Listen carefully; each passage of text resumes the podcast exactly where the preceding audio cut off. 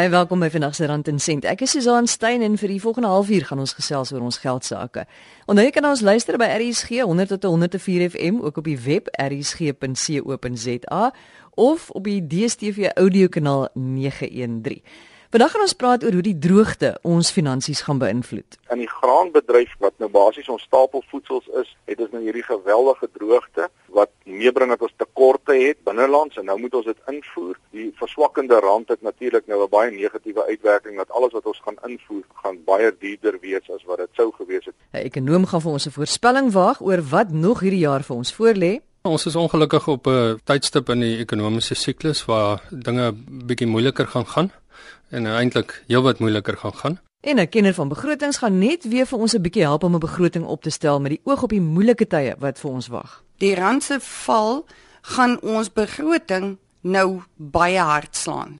Suid-Afrika het ongeveer 10.5 miljoen ton mielies per jaar nodig waarvan ons gewoonlik kan uitvoer, maar as gevolg van die droogte gaan ons vir jaar ongeveer die helfte hiervan, dis 5 ton moet invoer. Janie de Villiers, die hoofuitvoerende beampte van Graan Suid-Afrika, sê daar is verskeie maniere waarop hierdie situasie ons as verbruikers gaan raak. Wat die verbruikers nou ernstig gaan raak is: 1, kan ons genoeg invoer want ons infrastruktuur moet dit kan hanteer. Dit is 'n geweldige volume wat ons moet inbring. En 2 is die verswakkende rand het natuurlik nou 'n baie negatiewe uitwerking dat alles wat ons gaan invoer om die tekorte aan te vul gaan baie duurder wees as wat dit sou gewees het. Kom ons sê nou maar so teen die middel van laas jaar toe die rand nou nog 'n bietjie beter gewees het as wat hy nou is. So in kort dink ek gaan ons uh, waarskynlik ook moeilikheid hê met wit mielies, die ouens wat nou baie lief is vir hulle pap. Ons gaan waarskynlik dalk hier teen die einde van die jaar of vroeg volgende jaar 'n bietjie geel mieliemeel sien op die rakke omdat ons sukkel om wit mielies in die hande te kry. So dit kan ook wees dat daar van die verbruikerspatrone gaan beïnvloed word. Janie sê hulle is nie heeltemal seker waar hulle wit mielies vandaan gaan invoer nie. Mexiko het 'n klein hoeveelheid beskikbaar, maar hulle het meestal ook self tekorte. Amerika produseer ook witmielies, maar nie soveel soos ons nie. En lande in Afrika ly self onder die knellende droogte. Geelmielies is daar egter baie van in die res van die wêreld. Ons sal hoofsaaklik van Suid-Amerika af invoer, uh Brasilië, Argentinië, waarskynlik ook van Amerika af en dan uh, het hulle ook al weer van die Swartsee lande af uh, ingebring. Nou onthou net die die mielies is die basis nie net vir mieliemeel nie, maar ons voer nou al ons diere wat nou suiwel produseer, ons melk en kaas en daai tipe goed. Ons voer al ons hoenders daarmee. Jy weet, dis hoendervleis en eiers wat geraak word en dan natuurlik al die rooi vleis. Jy weet, al die voerkrale is maar oorsaaklik mielievreters. So dis die goede wat alles geraak word en dis hoekom jy amper jou hele voedselmandjie negatief beïnvloed. Selfs jou sojaboon en sojaolies, sonneblomolies, daai goede word alles maar deur hierdie droogte in die wisselkoers direk geraak. En dis nie net kospryse wat geraak gaan word nie. Plaaslike gemeenskappe gaan ook kwaai ly. Die boerderygemeenskappe hou 'n groot deel van daai ekonomie aan die gang.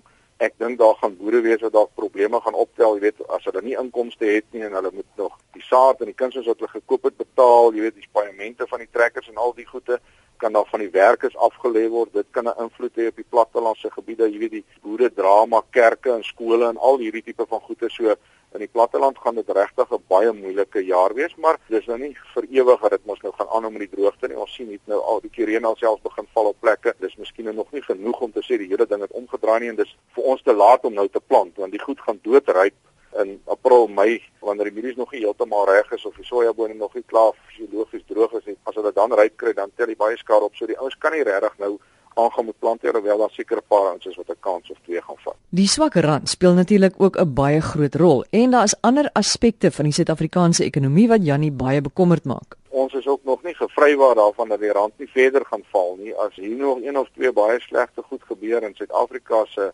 kredietgradering gaan nog af dan beteken dit daar sekere fondse wat geld in Suid-Afrika moet belê wat dan nie meer hier mag belê nie. Dan moet hy sy geld onttrek en daai onttrekking kan natuurlik maak die rand nog slegter gaan. So ek dink van die ouens sal natuurlik nou hierdie goed in ag neem en probeer kontrakte vasmaak teen die huidige wisselkoerse om te probeer verhoed dat hierdie ander goede gebeur.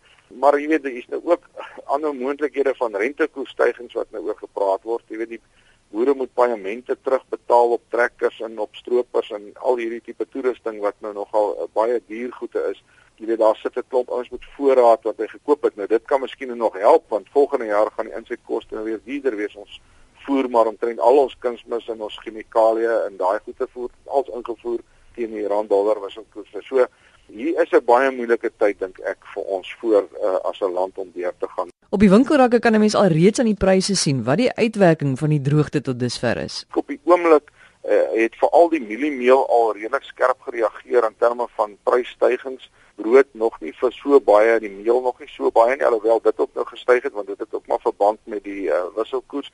Ek sien die rys het ook nog bietjie stadiger gereageer.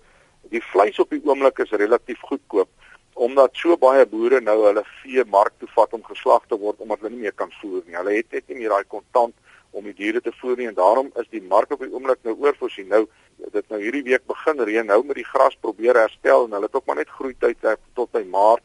Jy weet dan nou die grasies opgroei. So ons hoop die grasse herstel gaan nog maak dat 'n paar boere nou hulle beeste terug kan hou om hulle kuddes weer op te bou en dit gaan beteken dan gaan die vleis weer eers weer begin styg. So op die oomblik dink ek is dit nog nie. So ek, ek sien die melk is ook nog relatief, weet 2% styging uh, jaar op jaar. Jy weet dis klein uh, getalletjies as ons dink aan waai ons op pad is. Die eiers sien ek is ook al dubbel syfers, die olies, uh, sonneblomolie is ook al dubbel syfer goede. Jy weet as ek nou vir iemand moet raad gee dan sou ek sê, jy weet uh, as jy nou 'n bietjie mieliemeel in jou vrieskas kan bære as jy van wit mieliemeel hou, moet jy dalk maar vir jou sakkie bære want wie gaan dalk verstaan en bietjie druk kom op daai tipe van goede. Maar ek bedoel, jy weet voedsel is nou nie iets wat 'n ou langtermyn kan opberg en voorrade opbou nie. Maar die ouens gaan moet maar slim kyk oor wat is besig om te gebeur, waar styg die goede en waar nie en hopelik gaan ons gaan ons uh, weet oor hierdie bult kom en nou as die reën weer kom dan dan maak dit natuurlik nou dat ons pryse van ons mielies weet kom ons sê amper so ver soos 50% kan terugval. So uh hopelik is hierdie net 'n 12 maande siklus en dat ons nou moet geloof hê dat die dat die reën weer die hele ding vir ons kan kom omdraai dat die voedsel weer goedkoper word. So sê Janie de Villiers die hoofuitvoerende beampte van Graan Suid-Afrika nou vir 'n vooruitskatting van die ekonomie. Wou ek by Johan Rousseau groep ekonom by Vunani weet wat ons hierdie jaar alles kan verwag. Heelwat hoë rentekoerse en ten spyte van die lae oliepryse as gevolg van die swakker rand, nie noodwendig verdere petrolprysdalings nie, maar selfs moontlike stygings in in brandstofpryse. En dan in die derde plek moontlik selfs belastingkoersverhogings. En te midde van al hierdie direkte koste stygings so ek het nou nie eers verwys na die moontlike elektrisiteitsstygings. Daar sal waarskynlik wees maar dit kan selfs nog hoër wees wat, as wat ons verwag. Te midde van alles moet ons verstaan dat die ekonomie nie op 'n baie lekker plek op hierdie stadium is nie. En uh werksgeleenthede gaan moeilik wees om te bekom. En daar sal waarskynlik uh, heelwat druk wees op uh, werkgewers in die sin dat hulle dan nie in staat gaan wees om uh, baie goeie salarisverhogings toe te staan nie. So uit die verbruikersoogpunt te midde van ook stygende uh, pryse en veral dan ook voedselpryse, moet ons verstaan dit gaan 'n baie moeilike jaar wees. Johan sê daar's 'n paar redes waarom ons in hierdie verknorsing beland het. Eerstens gaan die breë ekonomie maar altyd deur ekonomiese siklusse en dan binne is daar goed waaroor mens beheer het en ander waaroor jy nie beheer het nie, soos byvoorbeeld wat in die buiteland gebeur. Ons is 'n uh, te volle gediversifiseerde internasionale uh, speler in sover as wat ons handelsbetrekkinge aangaan. So ons is afhanklik van wat internasionaal gebeur. Groot handelsvennote soos China wat op hierdie stadium 'n besonder moeilike situasie ondervind, uh, stadig groei en daarom lei ons uitvoere en ook ons ekonomie ekonomie. Maar Johan sê ons moenie moedeloos raak en voel dis net Suid-Afrika wat in die verknorsing sit nie. Ons moet verstaan dat ons in die kategorie van ontleikende markte val en uh, te midde daarvan ook in die kategorie spesifiek van kommuniteitsuitvoerders. En ongelukkig gegee die situasie waar China wat die grootste kommuniteit verbruiker uh, in die wêreld is, ekonomie sterk onder druk is op hierdie stadium en sy invoere van kommuniteite dramaties gedaal het, het wêreldkommuniteitspryse ook dramaties gedaal. Te midde ook van die feit dat die dollarprys verstewig of die dollar as sodanig verstewig het teen ander geldeenhede wat tot gevolg het verdere dalings in die dollarprys van kommuniteite. So die uiteinding daarvan is basies dat al die kommuniteitsproduserende lande in die wêreld en sterk afhanklik is van kommuniteituitvoere ernstig onderdruk is. Dit sluit groot lande in soos Australië byvoorbeeld. Uh en dan natuurlik die ander lande wat meer vergelykbaar is met Suid-Afrika soos Brasilië en Rusland in, in die besonder hulle het nou ekstra probleme in terme van hulle die sanksies wat teen hulle toegepas word en en so aan. Maar die punt van die saak is die meeste kommuniteitsuitvoere in die wêreld se ekonomieë is onder ernstige druk en baie van hulle moes alreeds ook reageer omdat hulle geldeenhede dramaties verswak het soos ons in die rentekoerse te verhoog te midde van 'n scenario waar hulle ekonomie nie sterk genoeg groei nie. So ons moet nie dink dat ons alleen is noodwendig in hierdie situasie nie. Dit is maar soos ek vroeër ook gesê het, 'n funksie van die feit dat Suid-Afrika se ekonomie geïntegreer is met die res van die wêreld. En as daar probleme is in die res van die wêreld spesifiek op ons uitvoermarkte, dan moet ons verwag om ook die pyn hier plaaslik te voel. Benewens die wêreldekonomie en die weerpatrone is beleidsbesluite wat nie bevorderlik is vir ekonomiese groei nie ook 'n rede waarom ons situasie so sleg is. Ons praat hoofsaaklik van twee uh, hoofstrome in terme van ekonomiese beleid, monetêre en fiskale beleid. Monetêre beleid aan die een kant is rentekoers uh, beleid hoofsaaklik. Daar's natuurlik heelwat meer daar rondom, maar dit wat vir die Jan en Alleman bekend is, is hoofsaaklik maar rentekoerse. Fiskale beleid aan die ander kant is belasting uh, besluite aan die een kant en dan aan die ander kant hoe daai belastinggeld aangewend word. So binne die konteks daarvan is dit belangrik dat ons 'n gekoördineerde beleidsrigting moet aanslaan en dan ook baie sensitief moet wees vir die behoeftes van die ekonomie binne die bepaalde siklus waarin ons ons bevind en dan ook met in agneming van ander beleid soos byvoorbeeld handelsbeleid en so aan die beleid optimaal toe te pas sodat ons uiteindelik die bes moontlike groei scenario daaruit kan kry. Johan sê rentekoerse gaan vir jaar verseker nog verder styg. Wat nie seker is nie is hoe vinnig dit gaan gebeur en met hoeveel op hierdie stadium met die met die erge druk wat die rand ondervind het jongslede is ons verwagting dat rentekoerse dalk aanvanklik vinniger kan styg as wat ons verwag het. Daar's volgende week 'n vergadering van die monetêre beleidskomitee en uh 25 basispunte ten minste dink ons is op die kaarte, mag dalk selfs 50 basispunte wees. Oor die loop van die jaar dink ons ons kan in totaal 'n uh, verdere 75 na 100 basispunte rentekoers uh, stygings kry. Ons mag dalk selfs in 2017 nog verdere uh, stygings kry. Die punt van die saak is ons moenie vergeet nie rentekoerse is nog laag hier rondom 10%. Ehm um, jy weet dan nie te verre verlede nie, rentekoerse gaan draai op 25.5% in Suid-Afrika.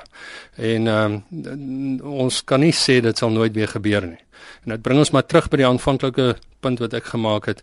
Beplan maar eerder vir die slegste en wees verras as dinge 'n bietjie beter uitwerk. Soos ons almal weet, suur rentekoersverhogings deur na die hele ekonomie toe en die eerste plek waar dit ons verbruikers hard gaan slaan is diegene met skuld. Elke bietjie skuld wat jy het, gaan duurder wees vir jou. So die beginsel daar rondom is onmiddellik bly weg van skuld soveel as moontlik dan het dit ook 'n negatiewe impak op basies die hele ekonomie. Sake ondernemings wat skuld aangaan, betaal meer, so hulle koste raak meer en op die einde word 'n groot gedeelte van daai koste maar op jou as verbruiker afgewentel deur die die stygings in die produkpryse wat daai spesifieke besigheid of onderneming produseer. Gevolglik raak die hele ekonomie nadelig geraak. Daar's minder geleentheid vir groei, daar's minder geleenthede vir nuwe werksgeleenthede vir mense wat nou moet begin werk ensovoorts ensovoorts. Een ligpunt is daarom dat soos Johan vroeër gesê het, die ekonomie altyd deur siklusse gaan en ons die ekonomiese situasie eerder op die langtermyn moet beskou as om vas te haak by die korttermynprobleme. Op 'n stadium het ons 25.5% rentekoerse gehad in Suid-Afrika en sedertdien het die rentekoerse dramaties gedaal. Die rand was al ewen die verlede ook heel wat uh, oorverkoop soos wat hy tans is vergeleke met sy werklike waarde soos wat ons dit bereken en dan oor tyd het hy maar weer teruggekom en en nader aan sy werklike waarde verhandel. Ek dink nie ons moet heeltemal dink dat dinge nooit weer sal verbeter beter nie. Maar die verantwoordelike ding om te doen is om op die kort termyn maar eerder oorversigtig te wees, want een realiteit van die ekonomiese siklus eh, is ook dat dit normaalweg 'n bietjie langer neem as wat 'n mens verwag. So as ons nou in 'n fase is wat dinge stram is en uh, wat dinge moeilik lyk vorentoe, moet ons maar daarop voorberei wees. Dit kan dalk 'n bietjie langer duur as wat ons um, vir ons op hierdie stadium voor voorberei. So, hoe moet ons dan hierdie jaar deursien of hoe moet ons beplan vir die jaar? Ek dink die belangrike beginsel is om nie volstruispolitiek te volg nie. Ongelukkig is dit my indruk dat as dit by finansies kom, mense baie keer volstruispolitiek volg en sê ja, ons het al hierdie probleme, maar as ek dit net lank genoeg ignoreer, gaan dit weggaan. Ongelukkig werk dit nie so met finansies nie. Ek dink die goue reël is beplan vir die slegste scenario en wees verras deur 'n beter uitkoms. So in daai opsig is dit baie belangrik om eerstens beheer te neem oor, oor jou finansies, te weet presies wat jou situasie is en dan ordentlik te beplan binne die beperkings van jou eie van jou eie begroting. En die woord begroting is belangrik. Dit beteken natuurlik jy moet gaan kyk wat kan jy logieserwys verwag om te verdien oor die loop van die volgende jaar en wat is jou verpligtinge? So sê Johan Rousseau, groepekonoom by Vunani. En nou is Kara Lippert, leefstylafrigter wat fokus op finansies en mense met finansiële probleme by ons in die ateljee. Kara, hoe moet ons nou daai begroting waarvan ons aan die begin van die jaar gepraat het, aanpas om tred te hou met die veranderinge wat vir jare op ons wag? Ek wil nie hê ons moet pessimisties of negatief klink nie, maar kom ons kyk gou die monster in die oë. Eerstens, mense moet besef dat wat hulle persoonlike begrotings beïnvloed, beïnvloed besighede. So 'n besigheid is onder dieselfde druk as wat jy is. Dit beteken ook dat jy gaan nie moontlik jou verhoging kry wat jy nou al 'n jaar lank verwag en begroot het om sekere gaatjies mee toe te stop nie. Tweedens, wees bewus dat as besighede begin swaar kry, moet hulle koste sny om te oorleef, wat beteken mense kan hulle werk verloor. Nou het jy krediete en goed aangegaan en dit het weer 'n ripple effek. So daar is kritieke monstertjies. Gaan sit, kyk na die rentekoers. Wat is jou verbandbetaling byvoorbeeld vandag? As daai verbandkoers moet 'n halwe persent of 1% opgaan, kan jy nog die paaiement betaal. En dan gaan jou voertuig op, alles gaan op. Waar gaan jy daai ekstra geld uitkrap om daai gaatjies toe te stop? Dit klink na 'n verskriklike negatiewe situasie, maar kom ek stel dit vir julle in 'n ander lig. In 1920 was die Groot Depressie. Daai mense het niks gehad nie. Mense het onderhandel met goed, nie geld nie. En tog het die wêreld opgestaan en ons het almal weer floreer en vooruit gegaan en besighede het goed gedoen. Ek sien nie ons moet teruggaan tot daai era nie, maar daar is sekere beginsels waar ons daaruit kan leer. Moenie onnodig geld uitgee nie. Wees spaarsamer. So in steede van na 'n film toe gaan en dan moet jy nou nog popcorn en al die ander goedjies kry. Wat van vat handwerk op? Dit is 'n koste-effektiewe, produktiewe tydverdryf wat die gesin of familie saam kan doen, vriendinne saam kan doen. Die manne kan ook hulle DIY goed doen. So daar is oplossings waar jy alhoewel jy vermaaklikheid soek en na sosiale uh, samesyn met mense, dit nie noodwendig vir jou geld te kos nie of baie minimaal. So in steede van 'n uh, persoon inbring om iets te kom regmaak of te kom verf of whatever, jy kan baie van daai goed jouself doen. Die probleem is ons is 'n bietjie lui. Dis baie maklik om 'n ou te bel en te sê kom doen as wat ons dit moet doen. Kyk na jou begroting uit die oogpunt van ja, die rand het geval. Ons weet die rentekoerse gaan op.